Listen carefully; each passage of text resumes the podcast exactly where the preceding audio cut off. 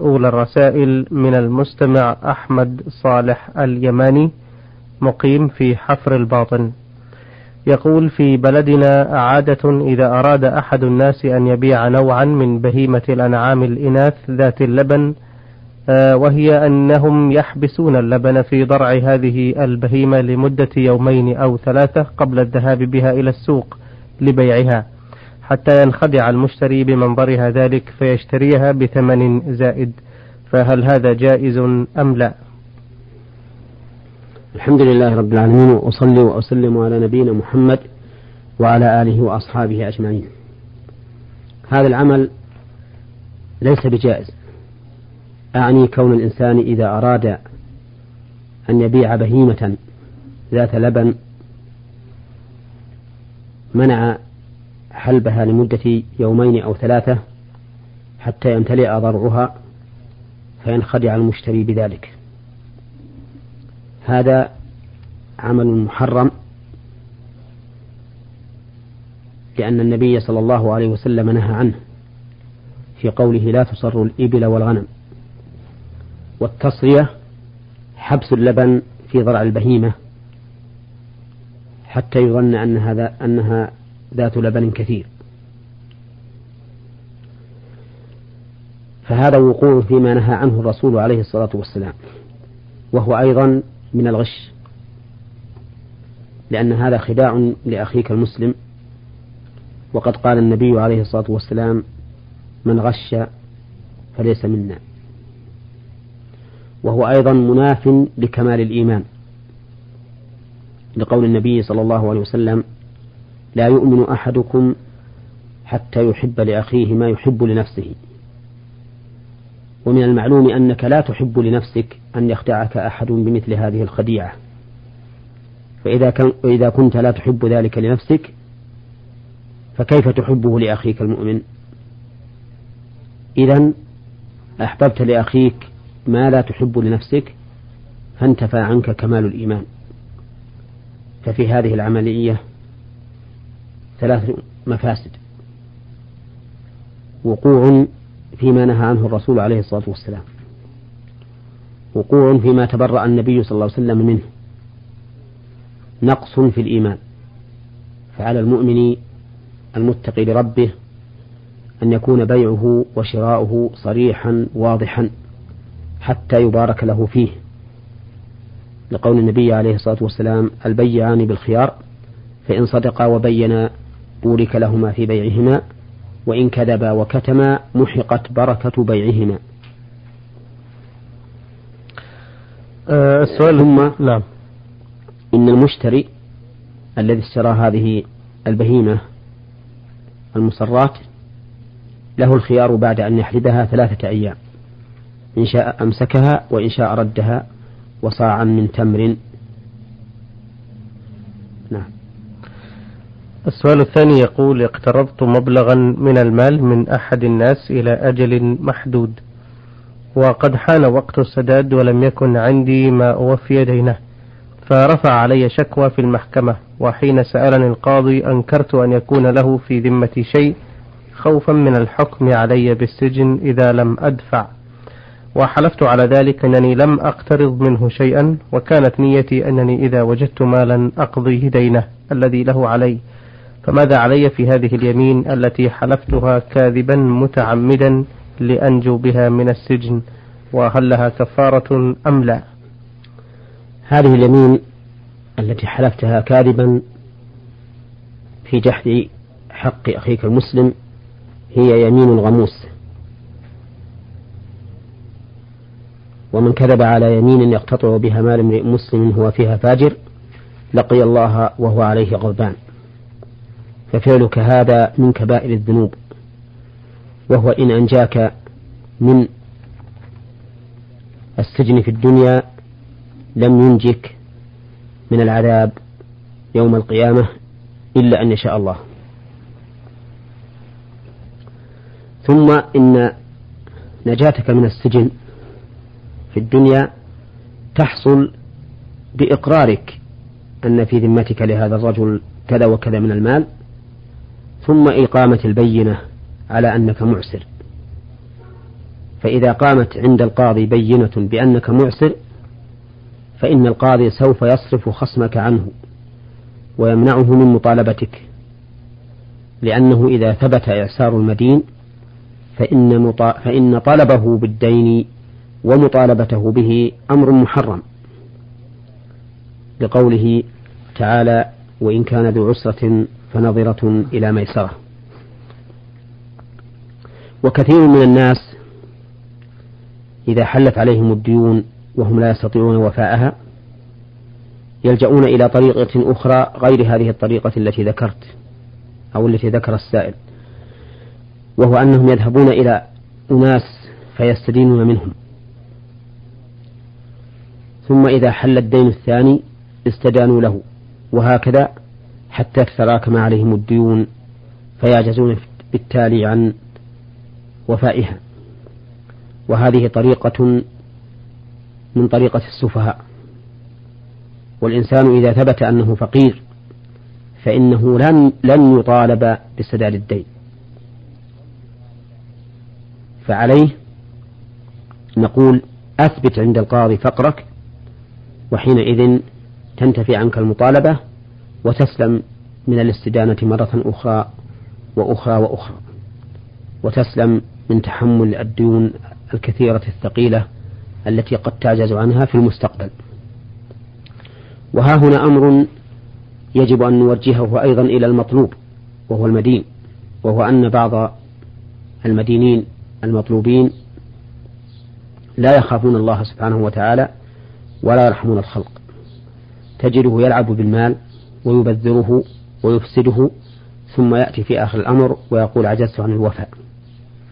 وهذا أيضا من السفة. وكذلك أناس يكون عندهم القدرة على الوفاء مع حلول الديون ومطالبة صاحب الدين ومع ذلك يماطلون ويؤخرون الوفاء. يأتيه فيقول غدا ائت ثم يأتي فيقول غدا وهكذا وقد ثبت عن النبي عليه الصلاة والسلام أنه قال مطل الغني ظلم. نعم.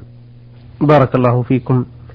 آه هذه الرسالة من المستمع خلفان محمد ناصر البوسعيدي من سلطنة عمان. السؤال الأول في رسالته يقول ما هو الأفضل في الدعاء؟ الإسرار به أم الجهر؟ وهل هو المراد بقوله تعالى وأسروا قولكم أو اجهروا به إذا كان الإنسان يدعو لنفس لنفسه ولغيره فإنه يجهر بالدعاء كدعاء الإمام في القنوت فإنه يجهر به لأنه يدعو لنفسه ولغيره وكذلك يأتي به بصيغة الجمع فيقول مثلا اللهم اهدنا فيمن هديت وعافنا فيمن عافيت ولا يقول اللهم اهدني فيمن هديت لأنه إذا خص نفسه بالدعاء وهم يستمعون ويؤمنون فإن هذا نوع من خيانة من الخيانة. ذلك لأن الدعاء إذا كان لنفسك ولغيرك دعاء مشترك. فتخصيص نفسك به نوع من الخيانة. فعلى هذا نقول إذا كان الدعاء مما مما هو مشترك للداعي ولغيره فإنه يجهر به. ولكن الدعاء المشترك الذي للداعي ولغيره موقوف على ما ورد به الشرع. فلا يجوز إحداث أدعية جماعية بدون ورود الشرع بها لأن إحداث مثل هذه الأمور من البدع التي ينهى عنها. أما إذا كان الإنسان يدعو لنفسه فهذا محل تفصيل. إن كان في صلاة فإنه لا يشعر به. لأن ذلك أقول إن كان في صلاة جماعة فإنه لا يجهر به لأن ذلك يشوش على من حوله.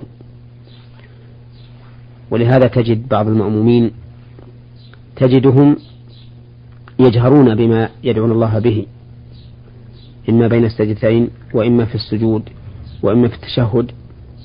وهذا لا ينبغي منهم. فقد خرج النبي عليه الصلاة والسلام على أصحابه يوما وهم يصلون ويجهرون بالقرآن فنهاهم أن يجهر بعضهم على بعض.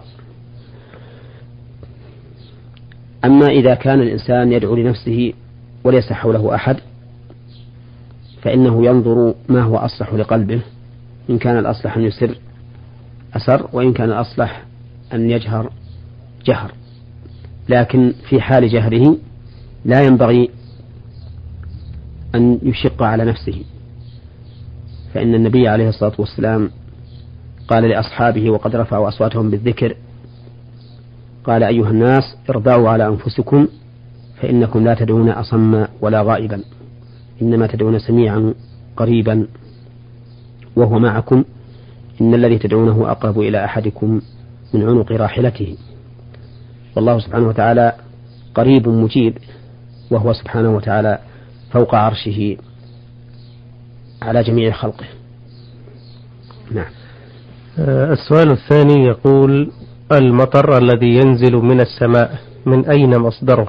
أهو كما يقال من بخار البحر أم هو من السماء؟ وكيف ينشأ البرق والرعد إن كان في القرآن ما يشير إلى ذلك؟ قال الله تعالى الله الذي يرسل الرياح فتثير سحابا فيبسطه في السماء كيف يشاء ويجعله كسفا فترى الودق يخرج من خلاله.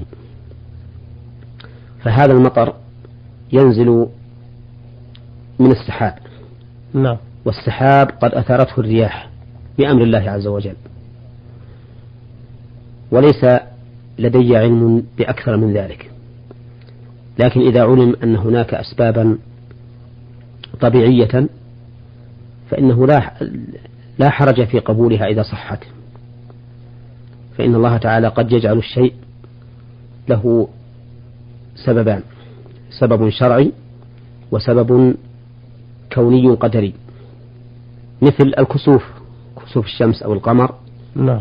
له سبب شرعي وهو ما ذكره النبي عليه الصلاة والسلام في قوله يخوف الله بهما عباده وهذا هو الذي ينبغي للمرء أن يعلمه وجهله نقص.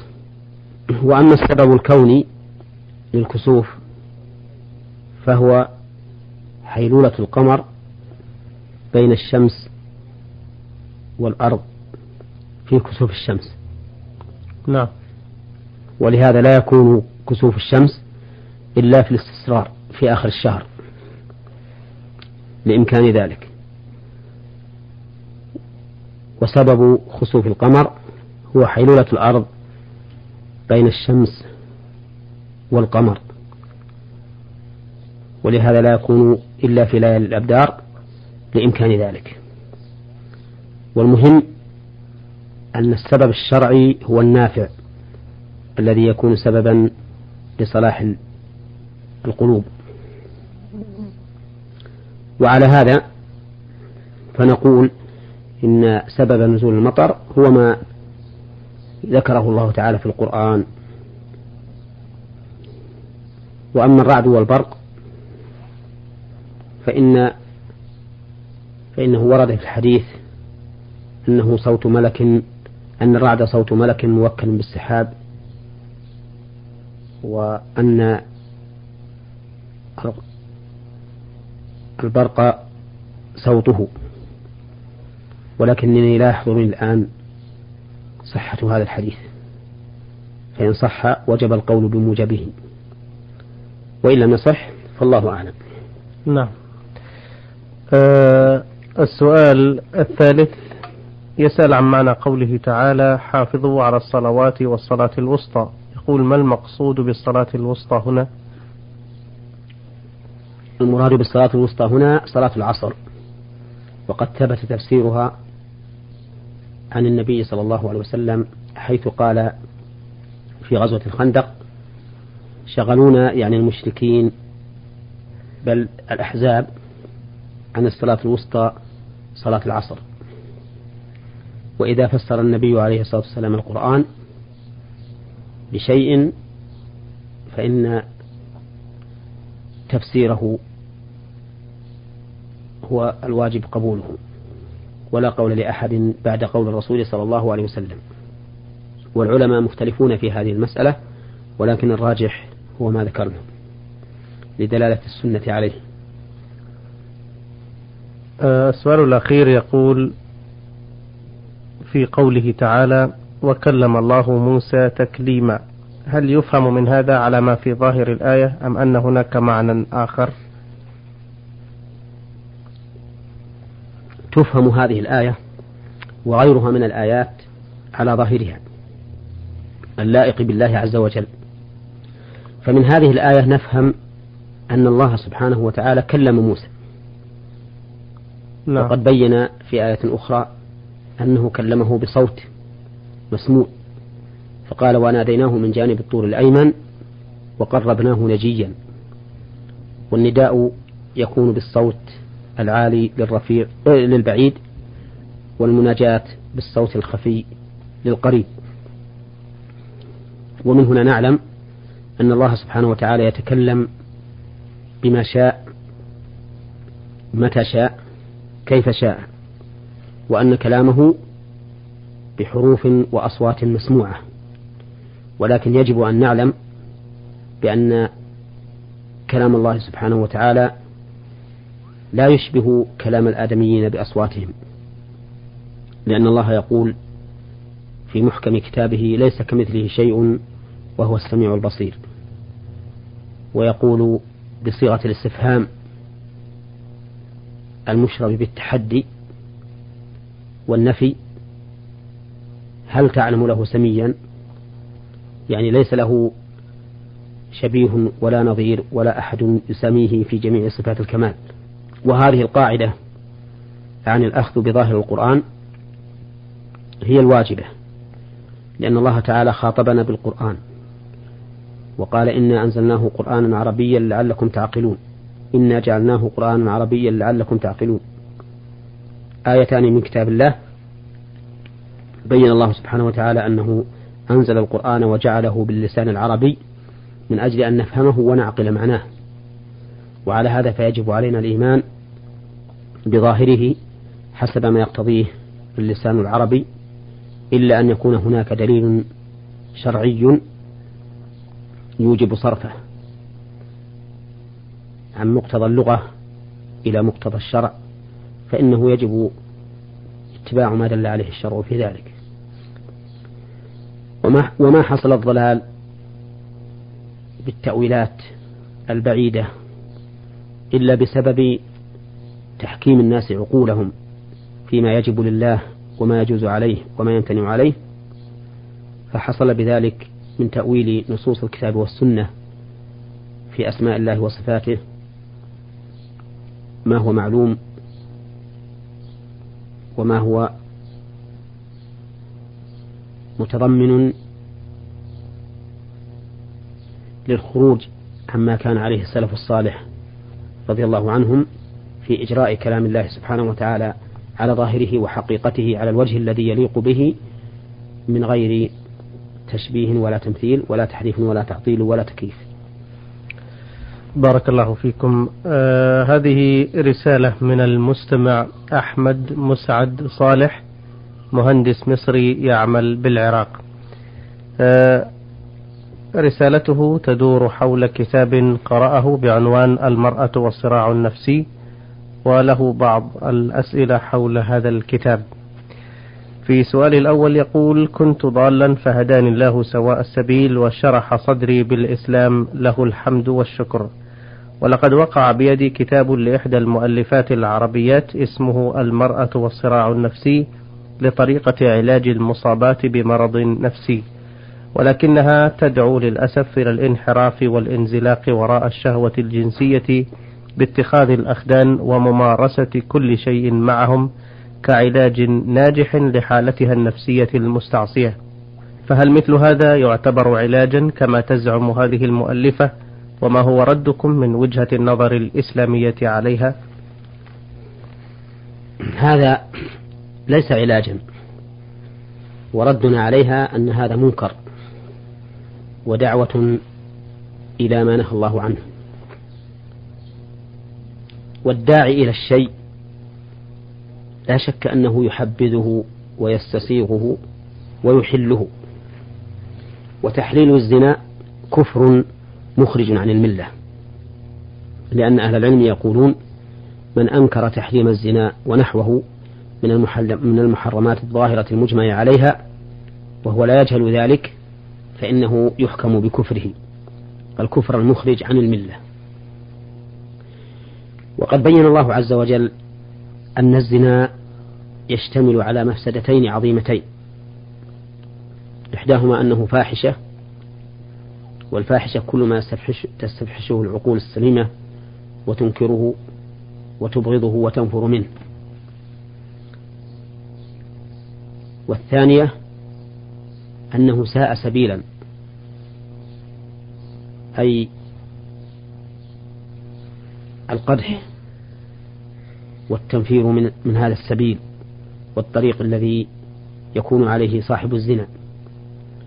وإذا أثنى الله عليه بهذه الصفة القبيحة ساء سبيلا فإنه لا يمكن أن يكون سبيلا إلى الإصلاح أبدا ولا إلى زوال المرض النفسي أبدا بل هو بالعكس يكون سببا للعقد النفسية والبلاء والشر كما أنه يكون سببا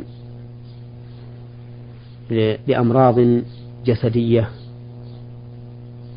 قد لا يمكن التخلص منها إلا بالموت. ومثل هذا الكتاب لا يجوز أن يبقى في الأسواق ولا يجوز أن ينشر أو يشترى. بل الواجب إتلافه لما فيه من الدعوة إلى هذه الطريقة المحرمة. آه، سؤاله الثاني يقول ما حكم الختان بالنسبة للفتاة؟ وهل صحيح أن الرسول صلى الله عليه وسلم نهى عنه وأن له أضرارا في مستقبل الفتاة؟ الختان بالنسبة للفتاة ذهب بعض أهل العلم إلى أنه واجب كما أنه واجب في حق الفتاة. نعم. وهذا هو المشهور من مذهب الإمام أحمد رحمه الله أن الختان واجب على الذكر والأنثى. وذهب بعض أهل العلم إلى أنه سنة في حق الأنثى واجب في حق الذكر. وهذا هو الذي عليه عمل الناس في بلادنا هذه أنهم يرونه واجبا في حق الفتى غير واجب في حق الفتاة. وفيه قول ثالث لأهل العلم أنه سنة في حقهما جميعا في حق الفتاة والفتاة. وأقرب الأقوال عندي أن أنه سنة في حق الفتاة واجب في حق الذكر. ومن طرق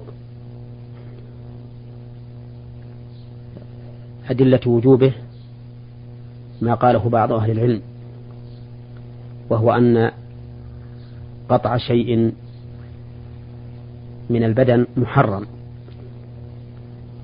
ولا يستباح المحرم إلا بشيء واجب لأن المستحب لا يستباح به المحرم.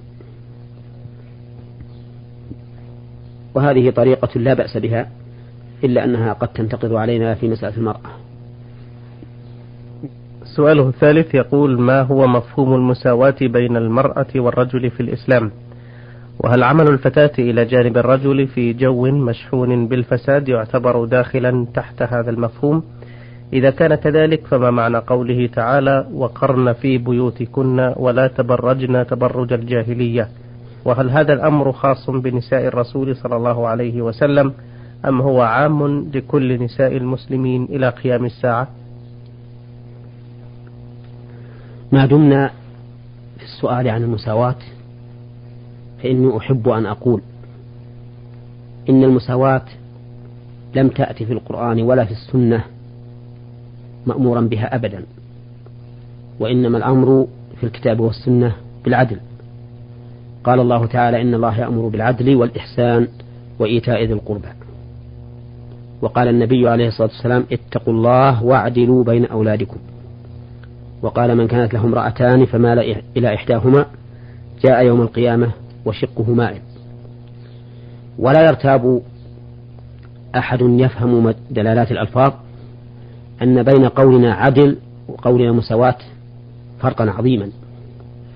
فإن المساواة ظاهرها التسوية بين الأمور المختلفة وهذا خلاف المعقول والمنقول. بخلاف قول العدل فإن العدل إعطاء كل ذي حق ما يستحقه وتنزيل كل ذي منزلة منزلته وهذا هو الموافق للمعقول والمنقول. وعلى هذا فليس في القرآن ولا في السنة الأمر بمساواة المرأة مع الرجل أبدا بل في الأمر بل فيهما الأمر بالعدل كما سمعت. والذي أحبه من كتابنا ومثقفين أن أن يكون التعبير بكلمة العدل بدل كلمة المساواة. لما في المساواة من الإجمال والاشتراك واللبس بخلاف العدل فإنها كلمة واضحة بينة صريحة في أن المراد أن يعطى كل ذي حق حقه. ولو تدبرت القرآن لوجدت أكثر ما فيه نفي المساواة. لا يستوي منكم من أنفق من قبل الفتح وقاتل. لا يستوي القاعدون من المؤمنين غير الضرر والمجاهدون في سبيل الله بأموالهم وأنفسهم. قل هل يستوي الأعمى والبصير أم هل تستوي الظلمات والنور؟ وما أشبه ذلك من الآيات المتعددة التي فيها نفي المساواة وليس إثباتها. ولا أعلم دليلا في الكتاب والسنة يأمر بالمساواة أبدا. وإذا كان كذلك فإن العدل أن تعطى المرأة ما يليق بها من الأعمال والخصائص وأن يعطى الرجل ما يليق به من الأعمال والخصائص. وأما اشتراك المرأة مع الرجل في عمل يقتضي الاختلاط والكلام والنظر وما أشبه ذلك فإنه لا شك أنه عمل مخالف لما تقتضيه الشريعة الإسلامية في كتاب الله وفي سنة رسول الله صلى الله عليه وسلم. ففي كتاب الله يقول الله تعالى ما ذكره السائل وقرن في بيوتكن ولا تبرجن تبرج الجاهلية الأولى. ويقول تعالى وإذا سألتموهن متاعا فاسألوهن من وراء حجاب. ذلكم أطهر لقلوبكم وقلوبهم. فإذا كان الرجل مع الحاجة إلى مخاطبة المرأة ومكالمتها لا يكلمها إلا من وراء حجاب فكيف إذا لم يكن هناك حاجة؟ وقوله تعالى ذلكم أطهر لقلوبكم وقلوبهن يدل على أنه إذا حصل ما يخالف ذلك كان فيه تلويث للقلب وزوال للطهارة. ومن المعلوم أنه إذا كان هذا أطهر بقلوب أمهات المؤمنين فإن غيرهن أولى بالتطهير والبعد عن عما يلوث القلب. وعلى هذا فنقول إن القرآن والسنة إن القرآن دل على أن المرأة تبتعد عن الرجل. وإذا دعت الحاجة إلى أن يكلمها فإنه يكلمها من وراء حجاب. أما في السنة فقد قال النبي عليه الصلاة والسلام في الصلاة خير صفوف الرجال أولها وشرها آخرها وخير صفوف النساء آخرها وشرها أولها. كل هذا من أجل أن تبتعد المرأة عن الرجل حتى في أماكن العبادة. نعم. جزاكم الله خير الجزاء.